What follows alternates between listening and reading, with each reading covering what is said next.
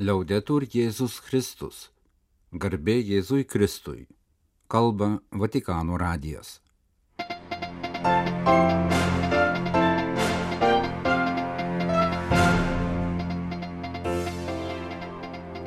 Malonus klausytojai šioje sekmadienio gegužės 7 programoje popiežiaus apmąstymas sekmadienio vidudienį. Mylėkime Jėzų ir būkime jo meilės ženklai. Romos vyskupas paragino gegužės mėnesį kalbėti rožinį už taiką Ukrainoje. Pranciškus pasveikino asociaciją Meter Italijoje kovojančią su vaikų seksualiniu išnaudojimu. Vatikane baigėsi popiežiškosios nepilnamečio apsaugos komisijos plenarinės sesijos darbai. Savaitė Lietuvoje Kastanto Lukėno parengta spaudos apžvalga.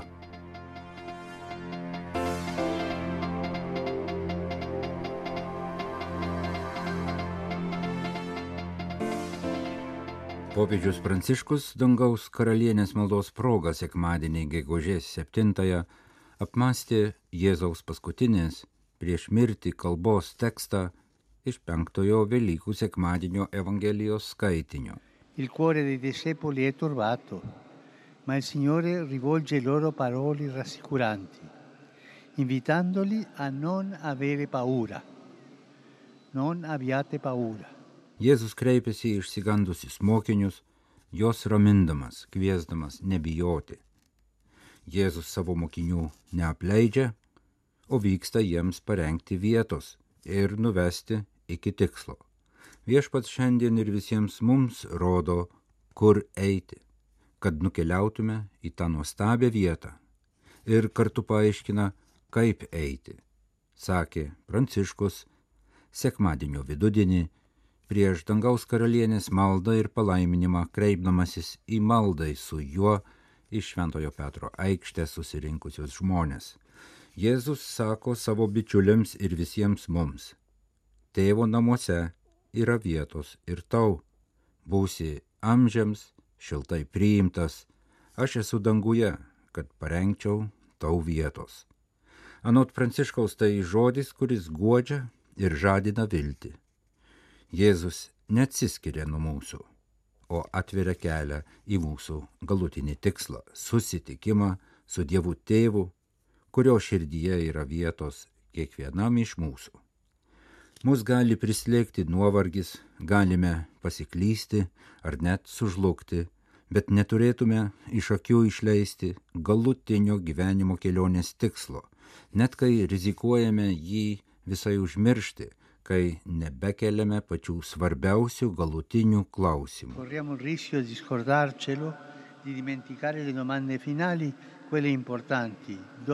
Kur einame? Link ko einame? Kuo vertas gyvenimas? Be šių klausimų gyvenimą įgrūdame tik į dabartį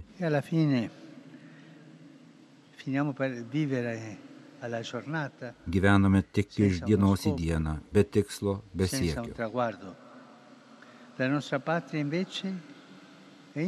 Gi mūsų tėvynė yra danguje. E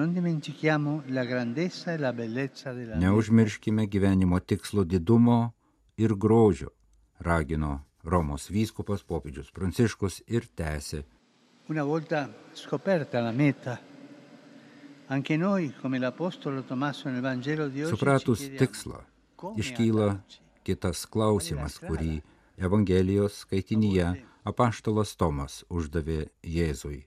Kaipgi žinosime kelią? Jėzus atsako, aš esu kelias, tiesa ir gyvenimas. Taip, Jėzus yra kelias, kuriuo reikia eiti, kad gyventume tiesoje ir Jėzaus žodžiais, kad apščiai turėtume gyvenimo. Lui è la via e dunque la fede in Lui non è un pacchetto di idee, pacchetto di idee da credere, no, ma è una strada da percorrere, un viaggio da compiere, un cammino con Lui. Jis yra kelias, tęsė popiežius. Todėl tikėjimas į jį nėra idėjų paketas, kurį turim tikėti, o kelias, kuriuo turim eiti, kelias, kurį turime įveikti, kelias su juo. E seguire Gesù perché Egli è la via che conduce alla felicità. Sekti Jėzumi, vedančiu į nepraeinančią laimę. Sekti juo, ypač artumo ir gailestingumo kitiems gestais. Štai kompasas, rodantis kelią į dangų. Mylėti Jėzų, kuris yra kelias, kad taptume jo meilės žemėje ženklais. Rinnoviamo oggi la scelta di Gesù, la scelta di amarlo e di camminare dietro di lui. Šiandien atnaujinkime apsisprendimą už Jėzų, apsisprendimą jį mylėti ir eiti paskui jį. Švenčiausiai mergelė Marija, kuri sekdama Jėzumi jau pasiekė tikslą, te palaiko mūsų viltį, sakė popiežius.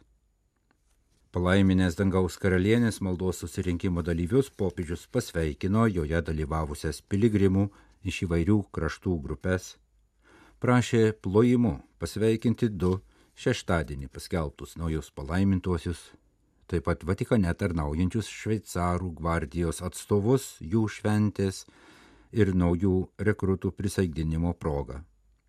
Popiežius ypač prašė melstį taikos Ukrainai ir pasveikino asociaciją Meter, Italijoje kovojančią su seksualiniu vaikų išnaudojimu ir vaikų pornografija internete. Popiežius Pranciškus kreipimėsi po vidudinio maldos prašė patikėti Ukrainos taikos prašymus Pompėjos švenčiausiai mergeliai Marijai, primindamas, kad pirmadienį, gegužės 8-ąją, minima Pompėjos Dievo motinos šventė. In questo mese di maggio preghiamo il rosario chiedendo alla Vergine Santa il dono della pace, particolar per la martoriata Ucraina. Popiežius prašė visą gegužės mėnesį kalbėti rožinio maldą, meldžiant švenčiausiąją mergelę Mariją taikos malonės, ypač už kenčiančią Ukrainą. Ir pridūrė. Possano i responsabili delle nazioni ascoltare il desiderio della gente che soffre e vuole la pace. Atsakingieji už valstybės, tai išgirsta kenčiančiuosius, kurie prašo taikos. Popiežius sveikinimuose po sekmadienio vidudinio maldos paminėjo Italijoje gegužės 7-ąją minimą vaikų aukų dieną.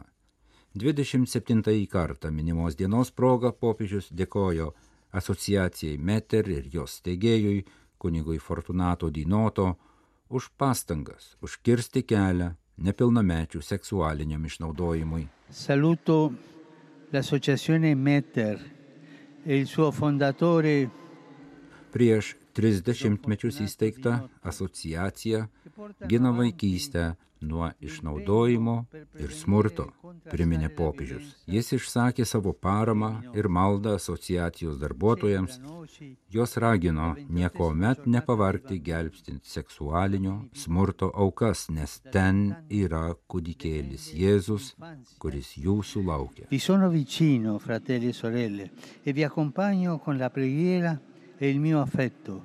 Non stancatevi mai di stare dalla parte di chi è vittima. Lì c'è il Cristo bambino che vi aspetta. Grazie. Jūs klausotės Vatikano radio. Tęsėme programą.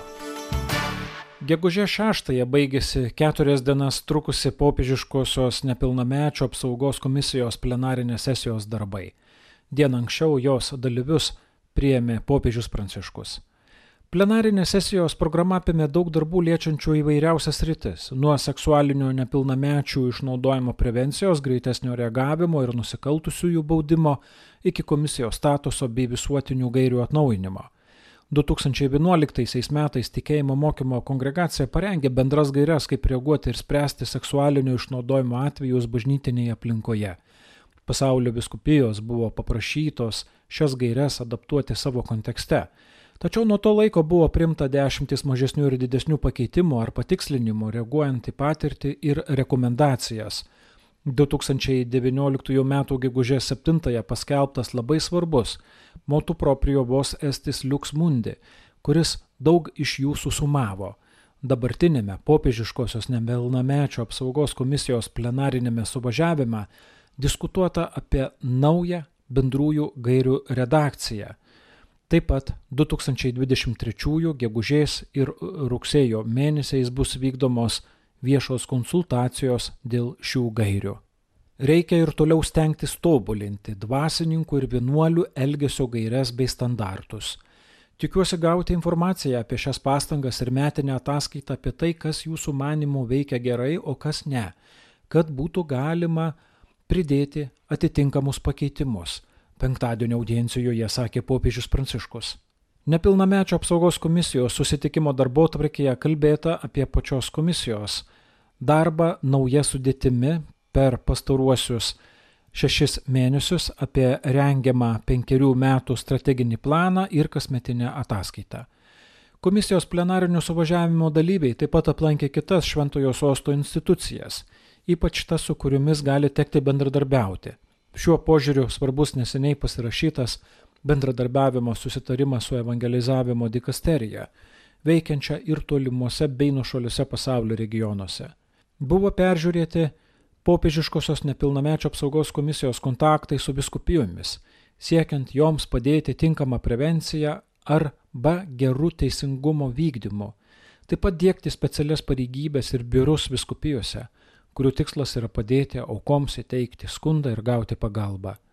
Kalbėta ir apie komisijos funkcijas pagal 2022 m. kovo mėnesį paskelbtos Romos kurijos konstitucijos apibrėžimą, išplėtusi komisijos mandatą. Nepilnamečio apsaugos komisijos pranešime pridurima, kad dėka vieno Junktinių Amerikos valstijų katalikiško fondo komisija galėjo pasamdyti bendradarbius, kurie padės įgyvendinti jos mandatą kraštų bažnyčiose.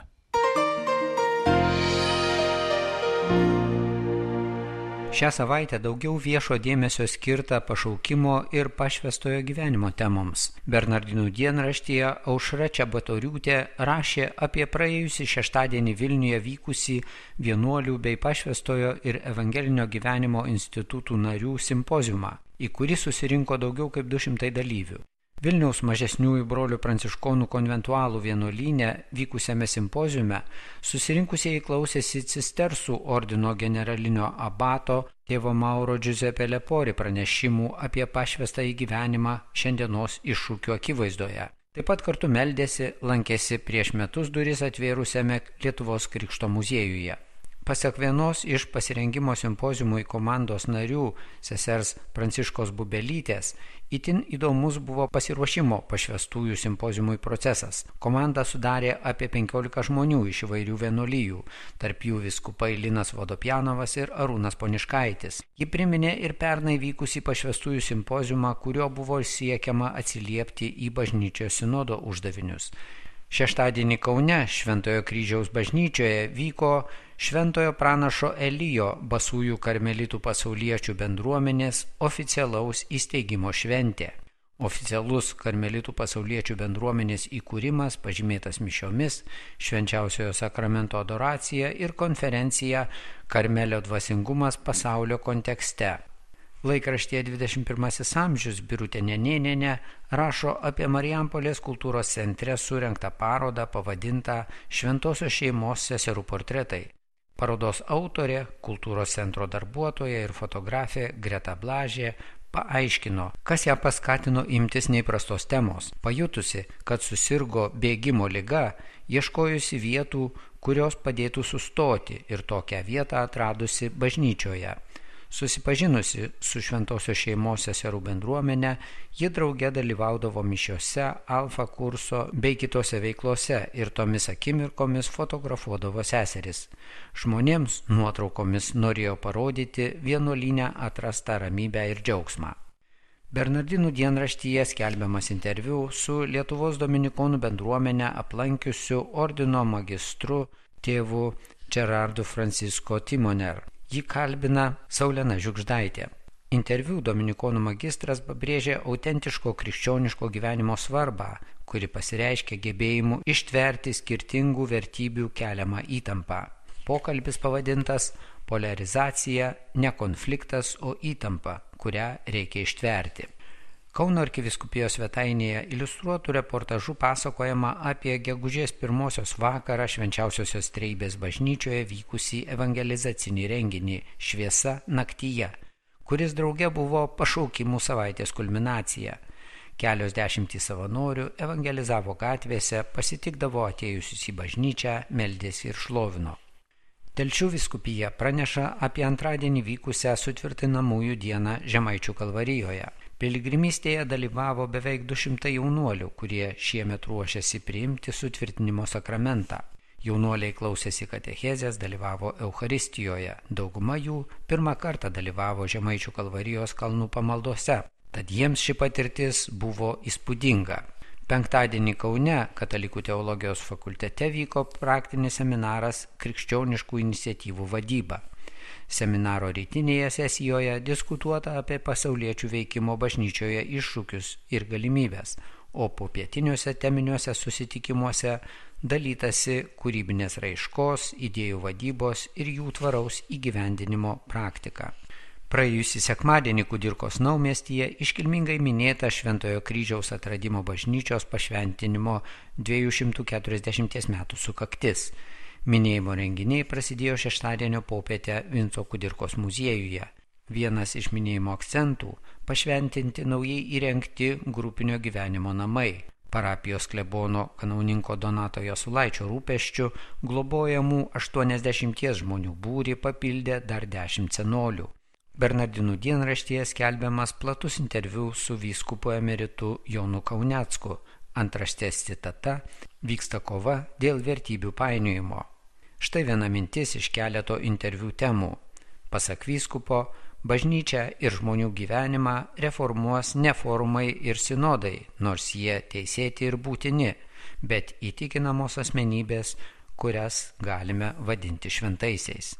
Penktadienį Trinapolio rekolekcijų namuose vyko radio stoties XFM komandos surenkta krikščioniškos žiniasklaidos konferencija apie krikščioniškos žiniasklaidos reikšmę visuomeniai ir jos vietą kitų medijų kontekste. Mintimis dalyjosi profesorė Irena Vaišvilaitė. Verslininkas Vytis Martinaitis kalbėjo apie paramos telkimo galimybės, o sesuo Virginija Vaidogaitė dalyjosi komunikavimo socialiniuose tinkluose patirtimi. Gegužės mėnesio artuma skirtingais tekstais apie motinas ir motinystę atveria širdis dėkingumui, nesibaigiančiam motinos dienos švente. Redaktoriaus skiltyje primenama popiežiaus pranciškaus mintis. Nors simboliškai motina labai aukštinama, apie ją poetiškai sakoma daug gražių dalykų, tačiau motinos mažai klausomasi menkai vertinamas jos kertinis vaidmuo visuomenėje. Iš Kauno Vatikano radijui Kastantas Lukėnas.